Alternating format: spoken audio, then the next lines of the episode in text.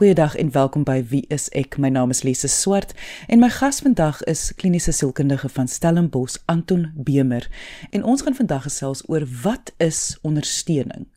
Of dit nou is in die konteks van versorging, jy is 'n versorger en het selfondersteuning nodig of as versorger moet jy ondersteuning bied of as jy 'n vriendin is en jou vriend of vriendin gaan deur 'n traumatiese ervaring. Hoe om te ondersteun, hoe om effektief te ondersteun om 'n verskil te maak. Indien jy enige vrae het oor vandag se onderwerp, kan jy ons kontak deur ons webwerf gaan net na www.wieisek.co.za. Maar kom ons luister nou eers na my gesprek met Anton Bemer oor ondersteuning. Anton, dit voel voor die hand liggend om die woord ondersteuning te gebruik. Ek dink ons almal verstaan uh, om iemand te ondersteun, maar tog daar is verskillende vlakke of kategorieë waar ondersteuning professioneel en en selfs dan nou nie professioneel kan plaasvind. Ek dink kom ons identifiseer hulle net vereers. Ja Lisa, ek dink dat daar is natuurlik mense wat opgelei is om versorging te gee. En dit is baie keer waar en ek dink die belangrike woord is verandering wat ingetree is in hulle vermoë.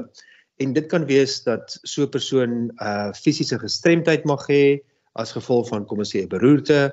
Hulle mag ook iets anders hê soos demensie wat hulle vermoë om na hulle self te kyk nie meer so goed is nie. En dan is daar 'n versorger nodig om te help met baie basiese take. En dit kan enigiets wees soos om seker te maak hulle neem hulle medikasie om seker te maak hulle daar word goed gekyk na die persoonlike higiëne.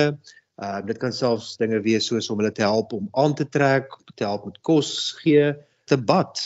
En ek dink daardie professionele ondersteuning is dit mense wat opgelei is om daardie take te doen. En dit kan in 'n privaat opset soos iemand se woning wees of natuurlik ook in 'n ouete huis. Dit kan in 'n aftreeoord wees maar ook in 'n huis waar mense dalk fisies of kognitief gestremd is en dit kan natuurlik ouer persone maar natuurlik ook jonger persone wees waar iemand down syndroom het of hulle het 'n besering opgedoen en daar is 'n groot verandering in terme van hulle fisiese maar ook hulle denk of kom ons sê ook hulle kognitiewe vermoë.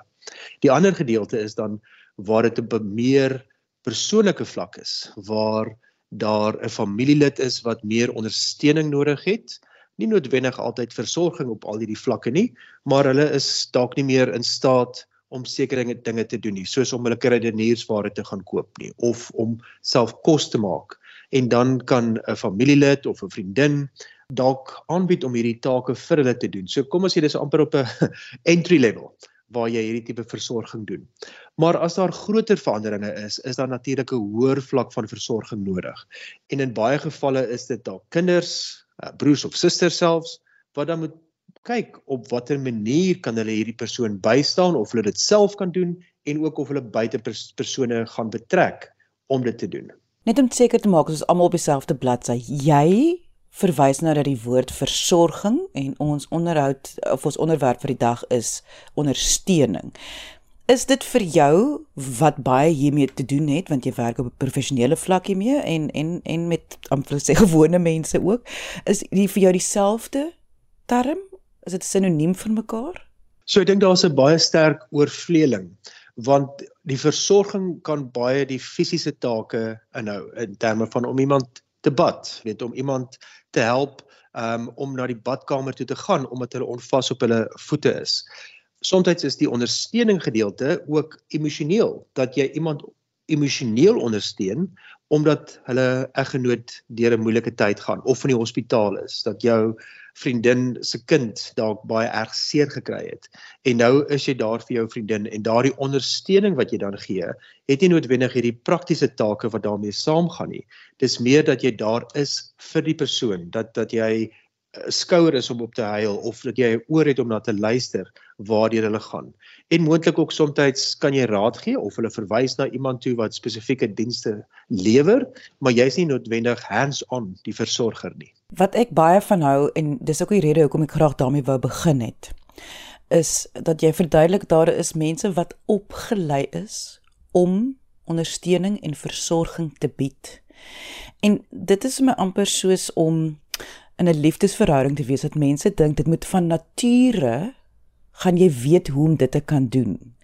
En dit voel vir my hier is 'n baie goeie voorbeeld dat mense moet opgelei word om dit eintlik te kan doen. En ons vir ons ek dink ons dink te maklik dat ons sal van nature 'n goeie ondersteuner kan wees terwyl dit 'n baie komplekse taak is wat 'n mens aanvat. Absoluut. En ek dink dis baie goed dat jy verwys na 'n liefdesverhouding. En as jy in 'n verhouding is waar iemand deur baie moeilike tye gaan, weet is jy dalk baie gewillig om daardie ondersteuning te bied. En dit kan dalk iets wees as jy getroud is met die persoon wat jy dalk vir jare lank kan doen as jy die persoon deur 'n depressie gaan of baie angstigheid beleef dat jy daar is vir die persoon of 'n plan maak as hulle iewerste geweldige angs beleef om hulle te gaan help of te gaan haal iewerste as hulle 'n paniekaanval gehad het. Maar ek dink dit is iets wat ook baie uitdagend kan wees. Soos jy sê, dit dit kan baie kompleks raak want jy kan later voel asof jy die uh, persoon is aan die ander kant van die noodknoppie. As daar 'n nood is, dan moet jy inspring en help. En dit mag ook probleme veroorsaak in jou eie werkslewe of in jou eie sosiale lewe as hierdie persoon dalk nie na 'n sosiale funksie toe wil gaan nie omdat hulle 'n sosiale angs het of as jy by die werk gebel word as hierdie persoon net gerusgestel wil word dat dat alles oukei okay is. Nou weer eens dit is nie om te sê jy moet nou mense wat deur enige emosionele moeilike tyd gaan vermy nie. Dis glad nie wat ek sê nie. Maar ek dink dit is ook om te sê waar is daar sekere grense wat jy kan doen en wat jy nie kan doen nie. Waar daar te veel van jou tyd en energie gebruik word en die woord te veel is belangrik om te sê dat jy nog steeds kan lief wees vir die persoon, daar wees vir die persoon, maar dat jy nie noodwendig alles op jou eie kan doen nie. Grense. Daar is 'n groot verskil tussen wat iemand verwag en wat iemand kan bied.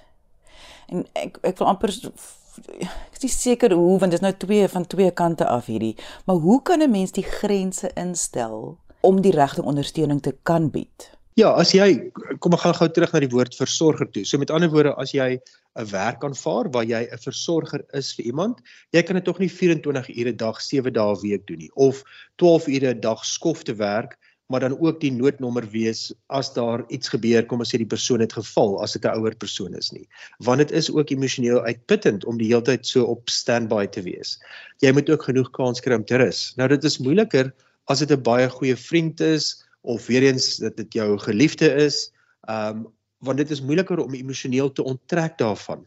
En die persoon mag selfs ongelukkig wees as jy sekere grense stel om te sê luister, um, ek kan jou tot by hierdie punt help, maar dan moet ons kyk watter ander hulp ons kan instel om jou te help. Of jy dalk 'n sielkundige moet gaan sien, of ons dalk 'n maatskaplike werker moet kry, of ons dalk iemand moet kry wat vir jou arbeidsterapie kan gee afhangende van die probleem of soos ek vroeër gesê die verandering wat ingetree het in hierdie persoon se lewe. So om daardie grense te stel, weet daar is baie goeie kommunikasie nodig om te sê dit is vir my baie belangrik ek gee baie om vir jou, ek wil graag daar wees vir jou, uh, maar ek kan nie voltyds daar wees vir jou nie. Ek dink ook die ander gedeelte is ook om terself te sê dat weet dit is my belangrik dat dat jy vir my vertel waar jy gaan. Maar dit is ook iets wat ons moet kyk hoe ons vorentoe beweeg alhoewel dit dalk vir die ander persoon wat in die ek wil amper sê die krisis is of dit nou iets is wat akuut gebeur het met ander woorde 'n skielike verandering in 'n geliefde se uh, fisiese vermoë of 'n denkvermoëns uh, soos in 'n motorongeluk byvoorbeeld en ook as dit 'n kroniese probleem is soos iemand wat Alzheimer of 'n vorm van demensie het en hier baie meer langdurige stres is wat plaasvind op hierdie persoon. Dat jy moet kan sê ons moet kyk hoe hanteer ons dit op die beste wat ons kan en my ondersteuning gaan dalk sekere beperkthede hê want ek kan nie elke keer vir jou daar wees as die emosies vir jou so sterk raak of oorweldigend raak nie. Ek kan daar wees vir jou en ek kan dinge gaan doen saam met jou, maar ons moet ook kyk hoe ons dit goed balanseer. Kom ons vat dit gou-gou 'n stap terug of dalk links of regs, ek nie seker nie, maar kom ons vat dit gou van net 'n ander rigting af. Ondersteuning om ondersteuning te kry. Jy is in omstandighede waar jy ondersteuning nodig het. En ons praat nou spesifiek ek dink van emosionele ondersteuning. Hoe belangrik is dit om nie alleen deur dinge te gaan nie? Kyk, Lise, dit is so sentraal want ons is mense wat mense nodig het. Party van ons vind dit baie moeilik om dit te erken as jy ook groot geword het in 'n kultuur of 'n opset om te sê, weet jy wat, jy moet altyd vorentoe kyk, jy moet altyd jou ken oplig, moenie erken as jy dalk emosioneel moeg is nie. Dan is dit vir sommige mense baie moeilik om te erken hulle het hulp van ander mense nodig.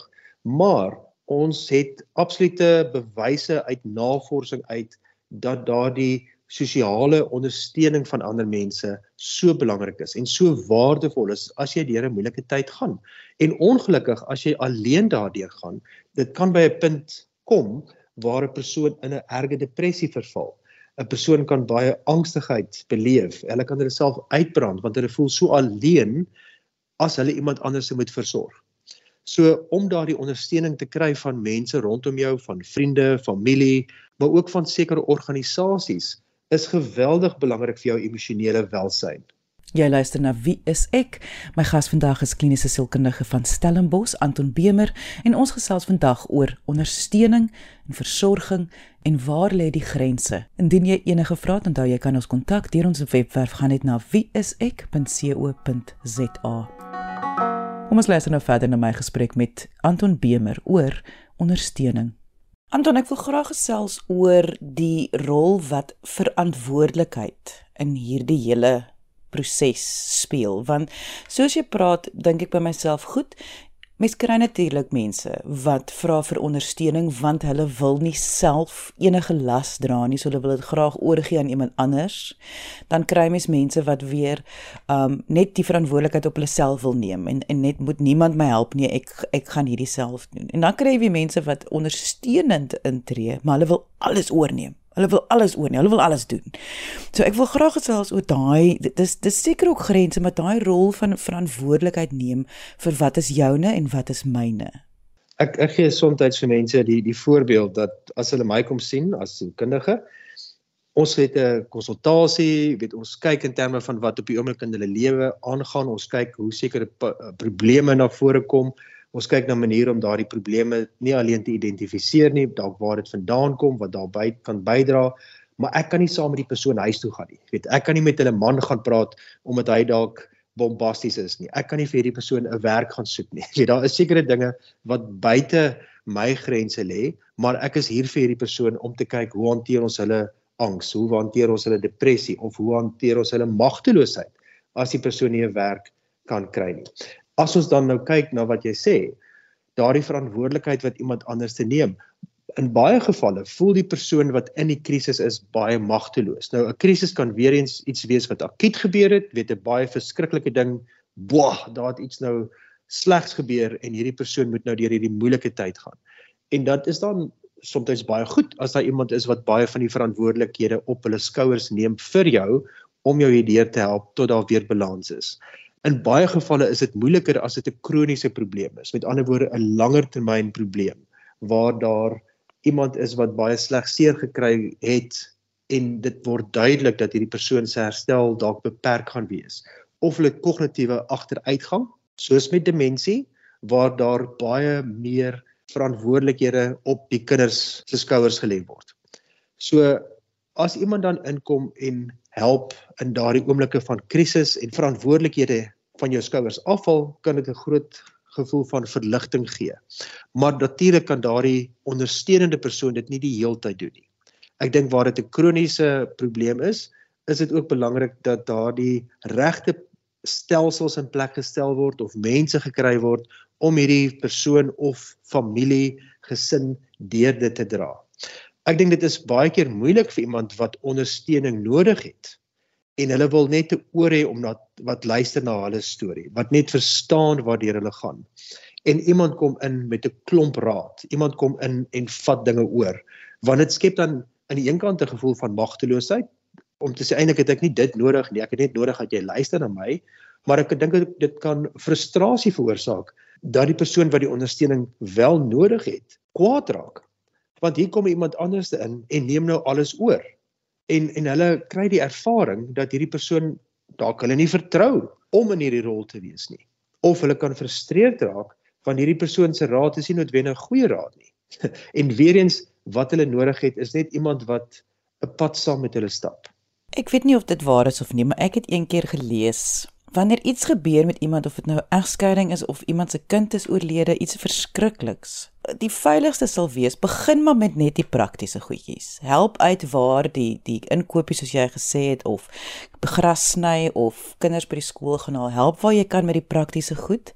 En wanneer die persoon dan reg is om iets emosioneel te deel, dan sit jy net en dan help jy weer met die praktiese goed en jy maak net 'n koppie tee. Nou, soos jy praat, voel dit vir my, dit voel soos 'n veilige, eintlik 'n baie goeie advies, 'n veilige opsie. Begin met die prakties en kyk hoe gaan dit eers. Kyk kyk eers toetsie waters eers oor waar kan jy miskien meer help of nie. Absoluut want dit is in daardie oomblik van krisis wat hierdie persoon baie magteloos kan voel, hulle kan oorweldig voel deur emosies van hartseer, van skok, En ek dink die praktiese dinge om te help met kos maak, om vir hulle kruideniersware te koop, om vir hulle net te sê is daar enigiets anders wat ek kan doen vir jou?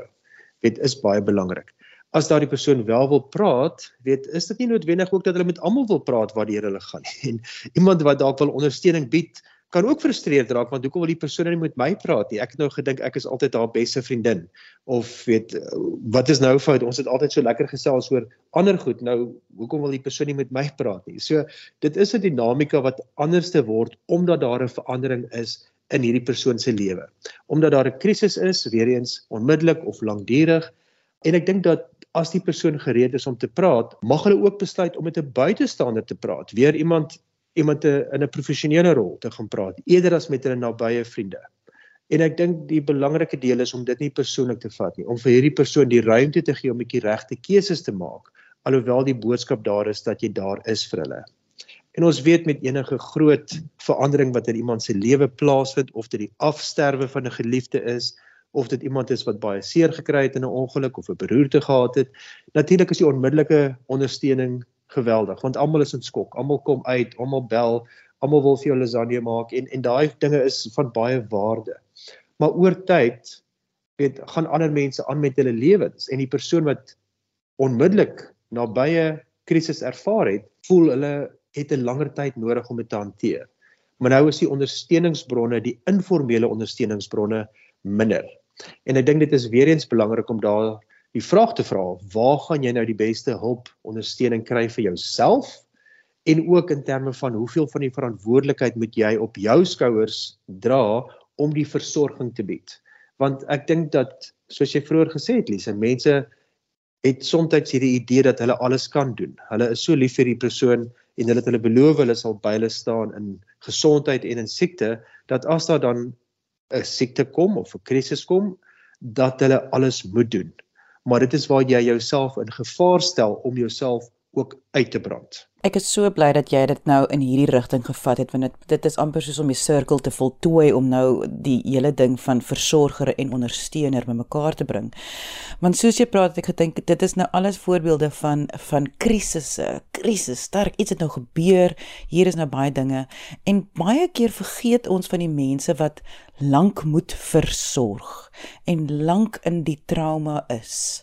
En soos jy sê om bewus te wees daarvan dat Sunny is nou al 'n versorger van haar ma vir 'n jaar lank. Ons het almal al vergeet dat haar ma self siek is, maar Sunny lewe daarmee saam en om waarlik ondersteuning te bied is om te gaan vra wat kan ek vir jou doen? Jy weet sy het natuurlik 'n eie rotine al en so, maar om daai kommunikasie oop te hou van 'n lang proses. En dan is dit nie inkopies elke week en sulke goed nie, want natuurlik kan mense dit doen nie. Maar daai kommunikasie oor wat kan ons dalk doen om te help? Ja, en en Sunny se rol mag baie verskil. Weet as haar ma baie erg ingekort is, dan is dit nie net in terme van inkopies doen en kos maak en so voort nie. Sy mag dalk haar ma se doeke moet ruil as haar ma inkontinent is. Sy mag dalk haar ma elke aand 'n paar keer badkamer toe moet vat of so voort. So Sunny kry dalk baie min slaap en is fisies uitgeput. En ek dink dit is belangrik om te onderskei tussen stres en uitbranding. So ons sien stres as iets wat ek wil amper sê so 'n onsigbare ding wat 'n stadige toename het oor tyd soos jy in hierdie versorgingsrol staan en baie van hierdie verantwoordelikhede uitvoer. Maar uitbranding is waar daardie stres 'n sekere plafon bereik en jy fisies net nie meer verder kan nie. Dit is die punt waar jou organe begin swaar trek. Jy weet jou ehm um, jou liggaam, jou ligamente, jou rug, jou spysverteringsstelsel, jou senuwees en selfs jou immuunstelsel raak baie sensitief vir die impak van uitbranding en selfs die brein se werking word benadeel. So dis 'n tyd waar die organe en die brein natuurlik dan baie swaar kry en selfs verander. En dit is nie iets wat jy net kan stop en omkeer nie. In 'n professionele opset en weer eens in 'n meer informele opset praat ons baie van carer burnout as hierdie versorger by daai punt verbygaan wat hulle die stres nie meer kan hanteer nie.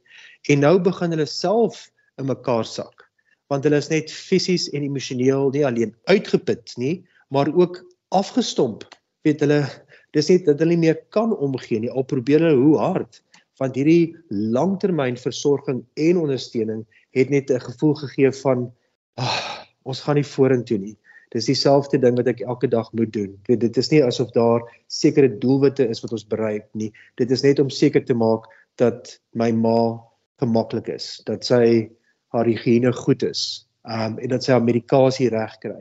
Dis sulke korttermyn doelwitte wat elke dag behaal word en oor 'n lang tyd is dan die gevaar daar van uitbranding. So om vir Sunny te ondersteun kan wees dat mens ook ander versorgers in plek kry of dat jy haar uitvat as dit veilig is natuurlik vir vir haar ma om net iewers te, te gaan koffie drink of langs die in die botaniese tuin te gaan stap of iewers iets te doen wat net vir haar ook help om nie alleen na haarself te kyk nie maar ook om haar eie interne batterye te herlaai.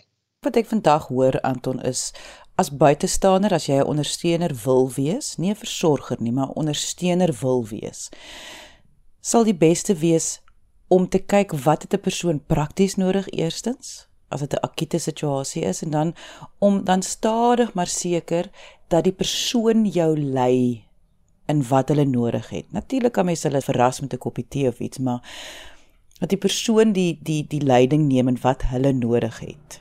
Definitief. En en soms mag dit dalk wees dat jy aanbied om vir 'n vir 'n uur of twee by Sunny se ma te gaan sit en gesels. Dat Sunny ook net iets anders te kan gaan doen want dit is nie net stres wat op Sunny geplaas word nie, maar moontlik ook op haar huwelik. Weet haar kinders kan baie bekommerd wees want hulle kan sien hoe sy swaar kry, maar hulle is nie noodwendig naby om vir hulle ma te help nie. En om te vra wat het jy nodig? Wat kan ek doen? Ehm um, wat is bydraes wat jy prakties kan maak, emosioneel kan maak? Maar ek dink ook net om vir haar uit te wys, luister, ek is bekommerd oor jou want wat ek kan sien jy kry baie meer verkoues of weet mense kan sien jy jy slaap nie goed nie of jy verloor gewig en dit dra natuurlik by tot die stres wat daardie persoon ervaar maar vererger natuurlik ook die uitbranding ja en dan laastens vir die versorgers daar buite mense wat ondersteuning nodig het om om net ook te besef dat jy kan nie hierdie alleen doen nie. En daar is iets soos kyk mooi na jouself en dat as jy indien jy hulp nodig het om te vra daarvoor, maar verstaan ook wat jy nodig het. En dit mag dalk ander dinge wees as wat jy voorheen nodig gehad het. Want voorheen toe alles goed gegaan het, weet jy dalk florerende klomp dinge wat jy gedoen het. Maar nou is jou aandag so spesifiek gerig op die persoon wat die versorging en die ondersteuning nodig het dat daardie ehm um, bydraende faktore tot jou geluk en emosionele welsyn wat jy in die verlede gehad het, nie noodwendig nou daar is nie. Jy sien jou vriende dalk baie minder. Jy kry dalk baie minder kans om in die aand uit te gaan om iets te gaan doen. Ehm um, jy kry dalk baie minder kans om oefening te doen of om gesond te eet. Jou slaap raak minder en jy moet kyk in die spieël en vir jou vra wat het ek nodig om hierdie werk te doen want ondersteuning en uh versorging word uit liefde uitgedoen in die meeste gevalle. Maar mens moet dit ook sien dat dit 'n werk is wat jy doen om dit goed te kan doen vir iemand anderste, om regtig na iemand anders se welsyn uh om te sien. Maar ek dink dit is belangrik om te kyk wat jy kan gee en wat jy nie kan gee nie om daardie grense daar te trek, so daardie verbintenis wat jy maak ten opsigte van 'n persoon wat versorging nodig het, maar ek dink die ondersteuners se verbintenis ook om daar te wees soos hulle kan is geweldig belangrik. En dit was kliniese sielkundige van Stellenbosch, Anton Bemer. Indien jy enige vrae het oor vandag se onderwerp, kan jy ons kontak deur ons webwerf gaan net na www.wieisek.co.za. Dankie dat jy vandag ingeskakel het. Ons maak weer so volgende Vrydag 12:30 hier op RSG. Jy moet 'n heerlike naweek hê en onthou, kyk mooi na jouself.